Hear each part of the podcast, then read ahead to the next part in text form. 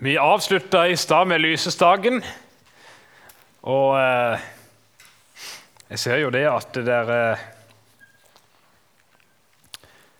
Der er jo stoff for mange bibeltimer i tabernaklet. Det fortelles om en eh, predikant som gikk inn i tabernaklet på 70-tallet, og siden har han aldri kommet ut igjen, sa de. Han talte grunnen bare ut ifra det etter han hadde begynt med det. Det er mange, mange emner en kan eh, ta opp derifra. Eh, men jeg skal bare nevne kort det siste som vi møter ute i det hellige. Inni sjøl tabernaklet, det er røykofferalteret. Vi kan lese i 2. Mosebok, kapittel 30. Så skal du gjøre et alter til å brenne røkelse på. Av akasietre skal du gjøre det. Det skal være én alen langt og én alen bredt, firkantet, og to alen høyt. Hornene på det skal være i ett med det. Og du skal kle det med rent gull, både ovenpå og på siden og rundt omkring og på hornene. Og du skal gjøre en gullkrans på det rundt omkring.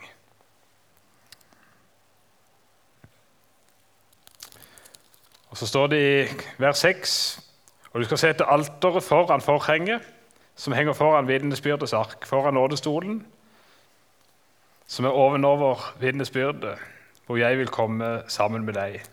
Og Aron skal brenne velluktende røkelse på det. Hver morgen når han steller lampene, skal han brenne den. Og når han setter lampene opp mellom de to aftenstunder, skal han også brenne den.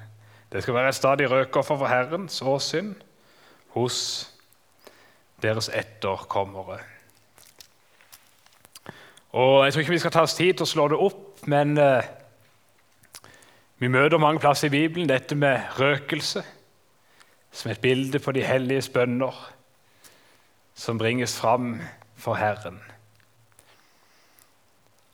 Og Så står det her at Aron, ypperste presten, skulle stadig, til enhver tid, brenne røkelse på dette alteret. Og Vi kan slå opp i Hebreabrevet, kapittel 3.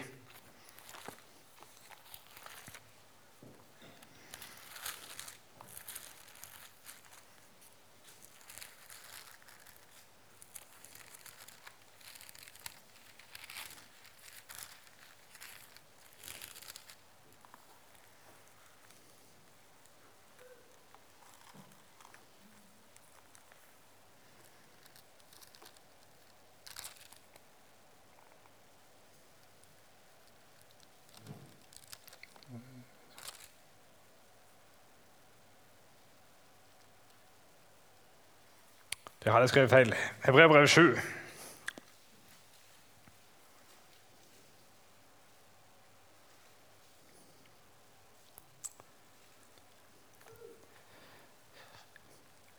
Og vers 23. Av tidligere prester har det vært flere, fordi de ved døden ble hindret fra å holde ved. Men den har et uforgjengelig prestedømme fordi han blir til evig tid. Og Derfor kan han også fullkomment frelse dem som kommer til Gud ved ham, da han alltid lever til å gå i forbønn for dem. Jeg har en broder ved Guds side som vet min sak og ber for meg, synger vi en sang. Så sitter Jesus i himmelen hjemme hos Gud, og så ber han for det, og så ber han for meg. Og Så vet han akkurat åssen vi har det. Så vet han akkurat åssen du har det, og du trenger, og du har behov for. Og jeg tenker Mange tider når jeg skal sette meg ned og be, så får jeg kanskje fram noen få ufullkomne setninger. Tankene flyr i mange retninger. Og da er det så ufattelig godt å vite det at jeg har en bror ved Guds side som vet om saken min, og som ber for meg. Som alltid lever for å gå i forbønn for meg.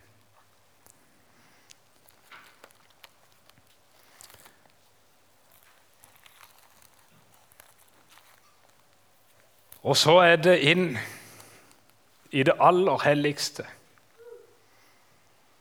Innenfor det andre forhenget i tabernaklet. Inn der presten kun hadde lov til å gå én gang i året.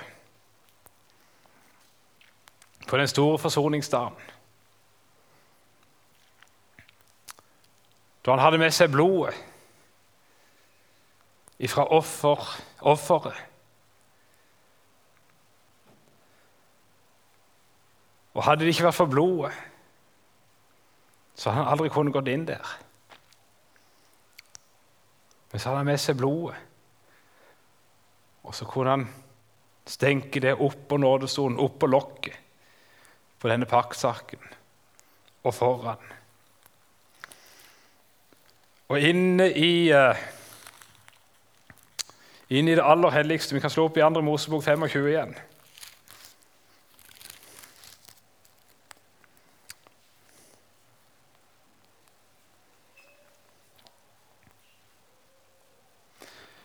Så skal du lage en nådestol av rent gull, halv tredje alen lang og halv tredje alen bred. Og du skal gjøre to kjeruber av gull i drevet arbeid skal du gjøre den, og sette dem ved begge endene av nådestolen. Den ene kirub skal du sette ved den ene ende, og den andre kirub ved den andre ende. I ett med nådestolen skal dere gjøre kirubene, én på hver ende av den. Kirubene skal holde vingene utbredt og oppløftet, så de dekker over nådestolen med sine vinger. Og deres ansikter skal vende mot hverandre. Mot nådestolen skal kirubene vende sitt ansikt. Så skal du sette nådestolen ovenpå arken, og i arken skal du legge vitnesbyrdet som jeg vil gi deg. Og jeg vil komme sammen med deg der, fra nådestolen mellom begge kirubene som er på vitnesbyrdets ark. Vil jeg tale med deg om alt det jeg vil byde deg og si Israels barn. Inn i det aller helligste så sto denne kista, denne arken, der lovtavlene var lagt oppi. Og Vi kan lese det at når Moses hekk de to lovtavlene, så la han de oppi der, og så skulle de bli liggende der. Og så ble det satt en nådestol. Dette lokket av rent gull som dekka over loven.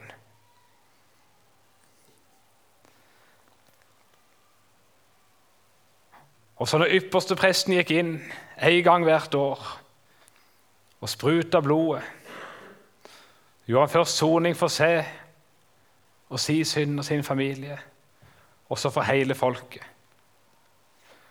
Så tenker jeg det når Gud så ned og skulle se på loven,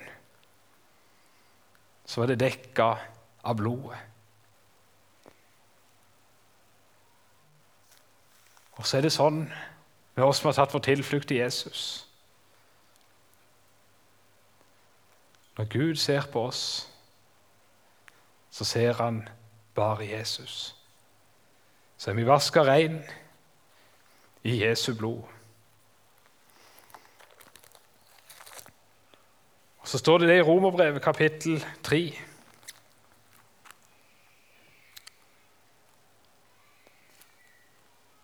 Og vers 23. Alle har syndet og står uten ære for Gud.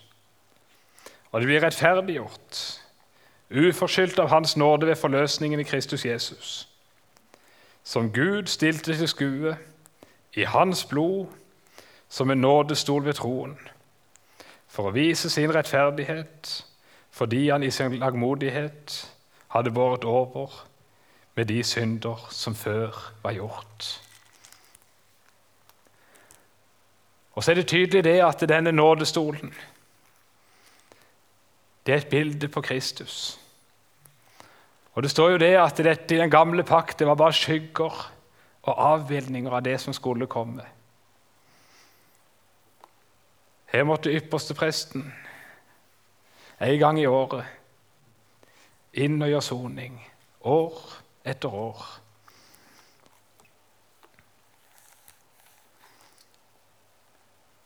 Og så står det det at eh,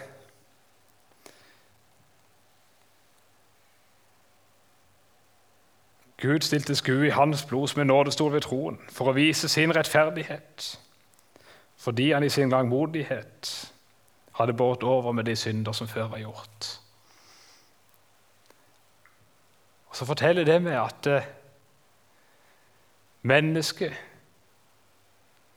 i den gamle pakt og mennesket i den nye pakt ble frelst på nøyaktig samme grunnlag.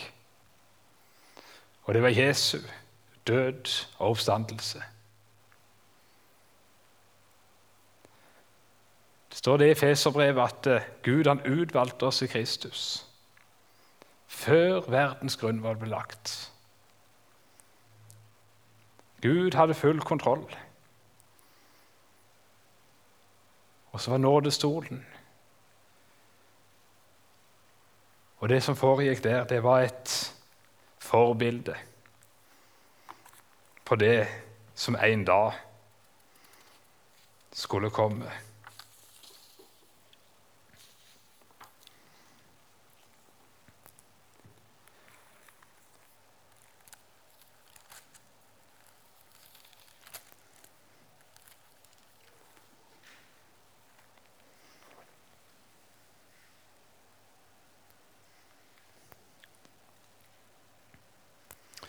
Ehm, jeg vet ikke om i dag går vel tida ifra oss. Jeg skal lese litt fra hebreerbrevet. Men eh, jeg kan jo bare fortelle bitte grann. Den store forsoningsdagen det kan lese om i 3. Mosebok, kapittel 16. Men der skulle bl.a. føres fram to bukker. Der den ene skulle slaktes og ofres. Og så skulle ypperste presten bære blod av denne inn i det aller helligste og gjøre soning for folket. Og så skulle den andre den skulle de bekjenne all folkets synd på. Og så skulle han sendes ut i ødemarka, vekk ifra leiren. Og så forteller det meg at når jeg har tatt imot Jesus, så har han gjort soning for min synd. Prisen er betalt. Og så har han òg tatt vekk synda. Han har kastet alle mine synder bak sin rygg, synger vi en barnesang. Han ser dem aldri mer.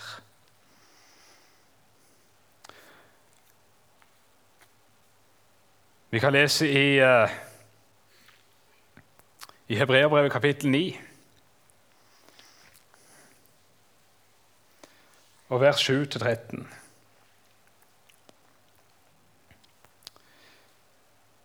Men i det andre telt, altså innenfor det andre forhenget, går bare ypperstepresten inn én gang i året, og ikke uten blod, som han bærer fram for seg selv og for folkets forseelser. Idet Den hellige ånd herved gir, gir dette til kjenne at veien til helligdommen ennå ikke er åpenbart så lenge det forreste telt ennå står. For dette er et bilde inntil den nåværende tid. Og svarende til dette bæres det da fram både gaver og slaktoffer som dog ikke makter å gjøre den fullkommen etter samvittigheten som tjener Gud, men som bare sammen med mat og drikke og alle slags tvetninger er kjødelige forskrifter pålagt inntil tiden kom til å sette alt i rette skikk. Og så må dere høre, for så kommer det i vers 11. Men da Kristus kom som ypperste prest for de kommende goder, gikk han gjennom det større og fullkomnere telt, som ikke er gjort med hender. Det er som ikke er av denne skapning, og ikke med blod av bukker og kalver, men med sitt eget blod, en gang inn i helligdommen, og fant en evig forløsning. Så var det som skjedde i tabernaklet, ofringene, tjenesten der, så er det et bilde, en avskygge av det som en dag skulle komme. Alt det som før er skrevet, det er skrevet oss til lærdom, for at vi skal ha håp ved den tålmod og den trøst som Skriften gir. Det innleder vi med. Ikke med blod av bukker og kalver, men med sitt eget blod, en gang inn i helligdommen, og fant en evig forløsning.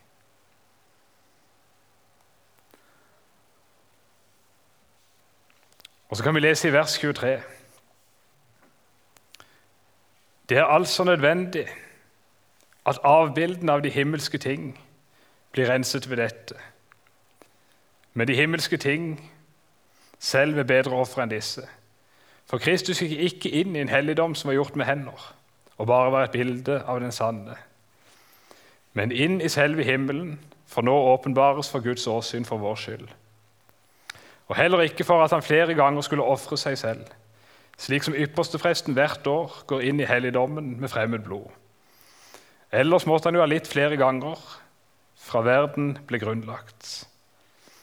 Men nå er han blitt åpenbart én gang ved tidens ende for å bortta synden ved sitt offer. Og like som det er mennesket slått en gang å dø, og deretter dom, slik skal òg Kristus, etter å være ofret én gang for å bortta mange synder, annen gang åpenbare seg uten synd, til frelse for dem som venter på ham. Du som har tatt imot Jesus, du har det beste i vente. En dag skal Jesus komme igjen og hente sine hjem til himmelen. Han har betalt prisen.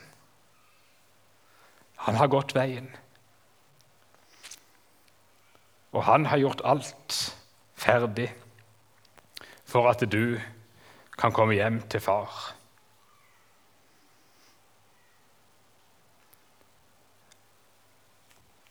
Og du kan lese om eh, Hvis du leser om tabernaklet, om prestene og tjenesten der, så kan du lese at eh, det var foreskrevet hvilke klær prestene skulle ha på seg. Og Blant annet så skulle de ha en brystduk, en duk på brystet, der det var tolv edelsteiner. Én for hver av Israels tolv stammer, der navnene var skrevet inn på hver av de steinene. Og når ypperstepresten sto i det aller helligste og gjorde soning for alt folkets skyld, så sto han der som representant, ikke for seg sjøl bare, men for hele folket. Når Jesus døde på korset, så var de mitt og ditt sted. Så kan vi lese i Galaterbrevet 2.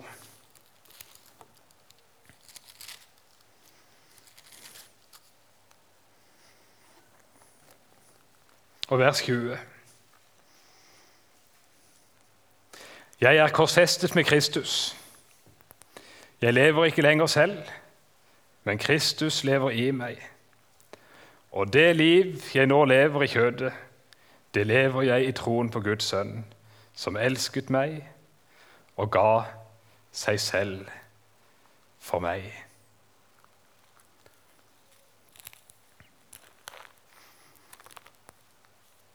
Og så vil jeg avslutte med å lese noen vers fra hebreerbrevet.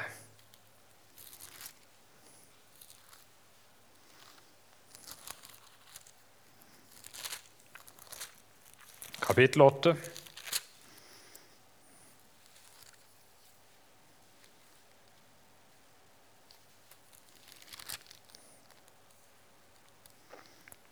Og vers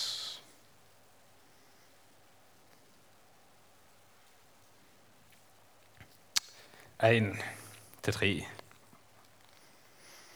Og Legg merke, for her står det 'men en hovedsak' ved dette som her sies er dette. Altså Her er det en hovedsak. Det er noe som er viktig. Det er noe vi skal legge merke til. Vi har en slik ypperste prest som satte seg ved høyre side av majestetens trone i himmelen. Ved prestlig tjeneste i helligdommen, det sanne tabernaklet som Herren har reist, og ikke et menneske. For hver ypperste prest innsettes jo til å frembære både gaver og slaktoffer. Hvorfor det altså er nødvendig at også denne har noe å frambære, var han nå altså på jorden, da var han ikke engang prest. Det er prester som etter loven bærer frem gavene. De som tjener ved et avbilde og en skygge av det himmelske. Etter den forskrift som Moses fikk da han skulle gjøre tabernakelet. For han sier seg til at du gjør alt etter det bildet som ble vist deg på fjellet. Er det mulig å få litt mer lys her framme? Tegn på å begynne å bli gammel det når en må ha mer lys for å klare å lese. Skal vi lese et par vers fra Hebrevet 10,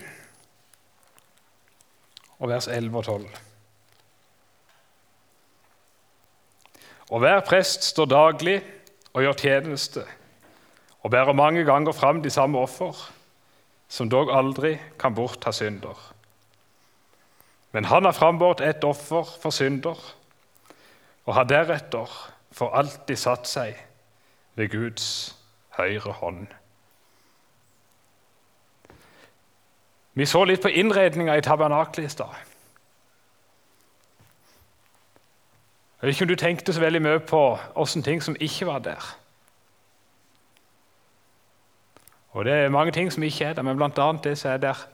Der står aldri beskrevet at det var en stol sånn til å sitte på i tabernaklet. Det var ikke anledning for presten eller for prestene å sette seg ned og hvile.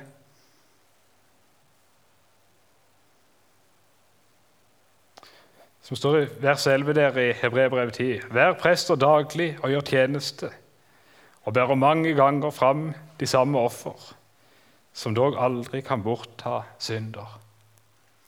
På ny og på ny og på ny måtte de gjøre de samme tingene. Bære fram offer etter offer etter offer. År etter år måtte de inn og gjøre tjeneste for den store forsoningsdagen. Så så de om Jesus. Men han har frambåret et offer for synder og har deretter for alltid satt seg ved Guds høyre hånd. Jesus han har satt seg ved Guds høyre hånd. Han er ferdig med frelsesverket. Det er fullbrakt, og det er ikke noe mer som skal gjøres. Alt er ferdig, og det er bare å ta imot. Den som kommer til Jesus og tar sin tilflukt til Han, han er frelst. Og så vil Jesus gå sammen med oss gjennom livet. Han vil sørge for oss. Han vil bære oss. Han vil stelle med oss som vi bærer lys for Han. Helt hjem til himmelen. Å, hvilken nåde midt i all våde. Kristus har kjøpt oss just som vi er. Han måtte lide, kjempe og stride. Han måtte stå mot helvetes hær. Nå er vi frie, hør og gi akt. Synden på verdens frelser er lagt. Gud nå forkynner nåde for synder. Amen. Halleluja.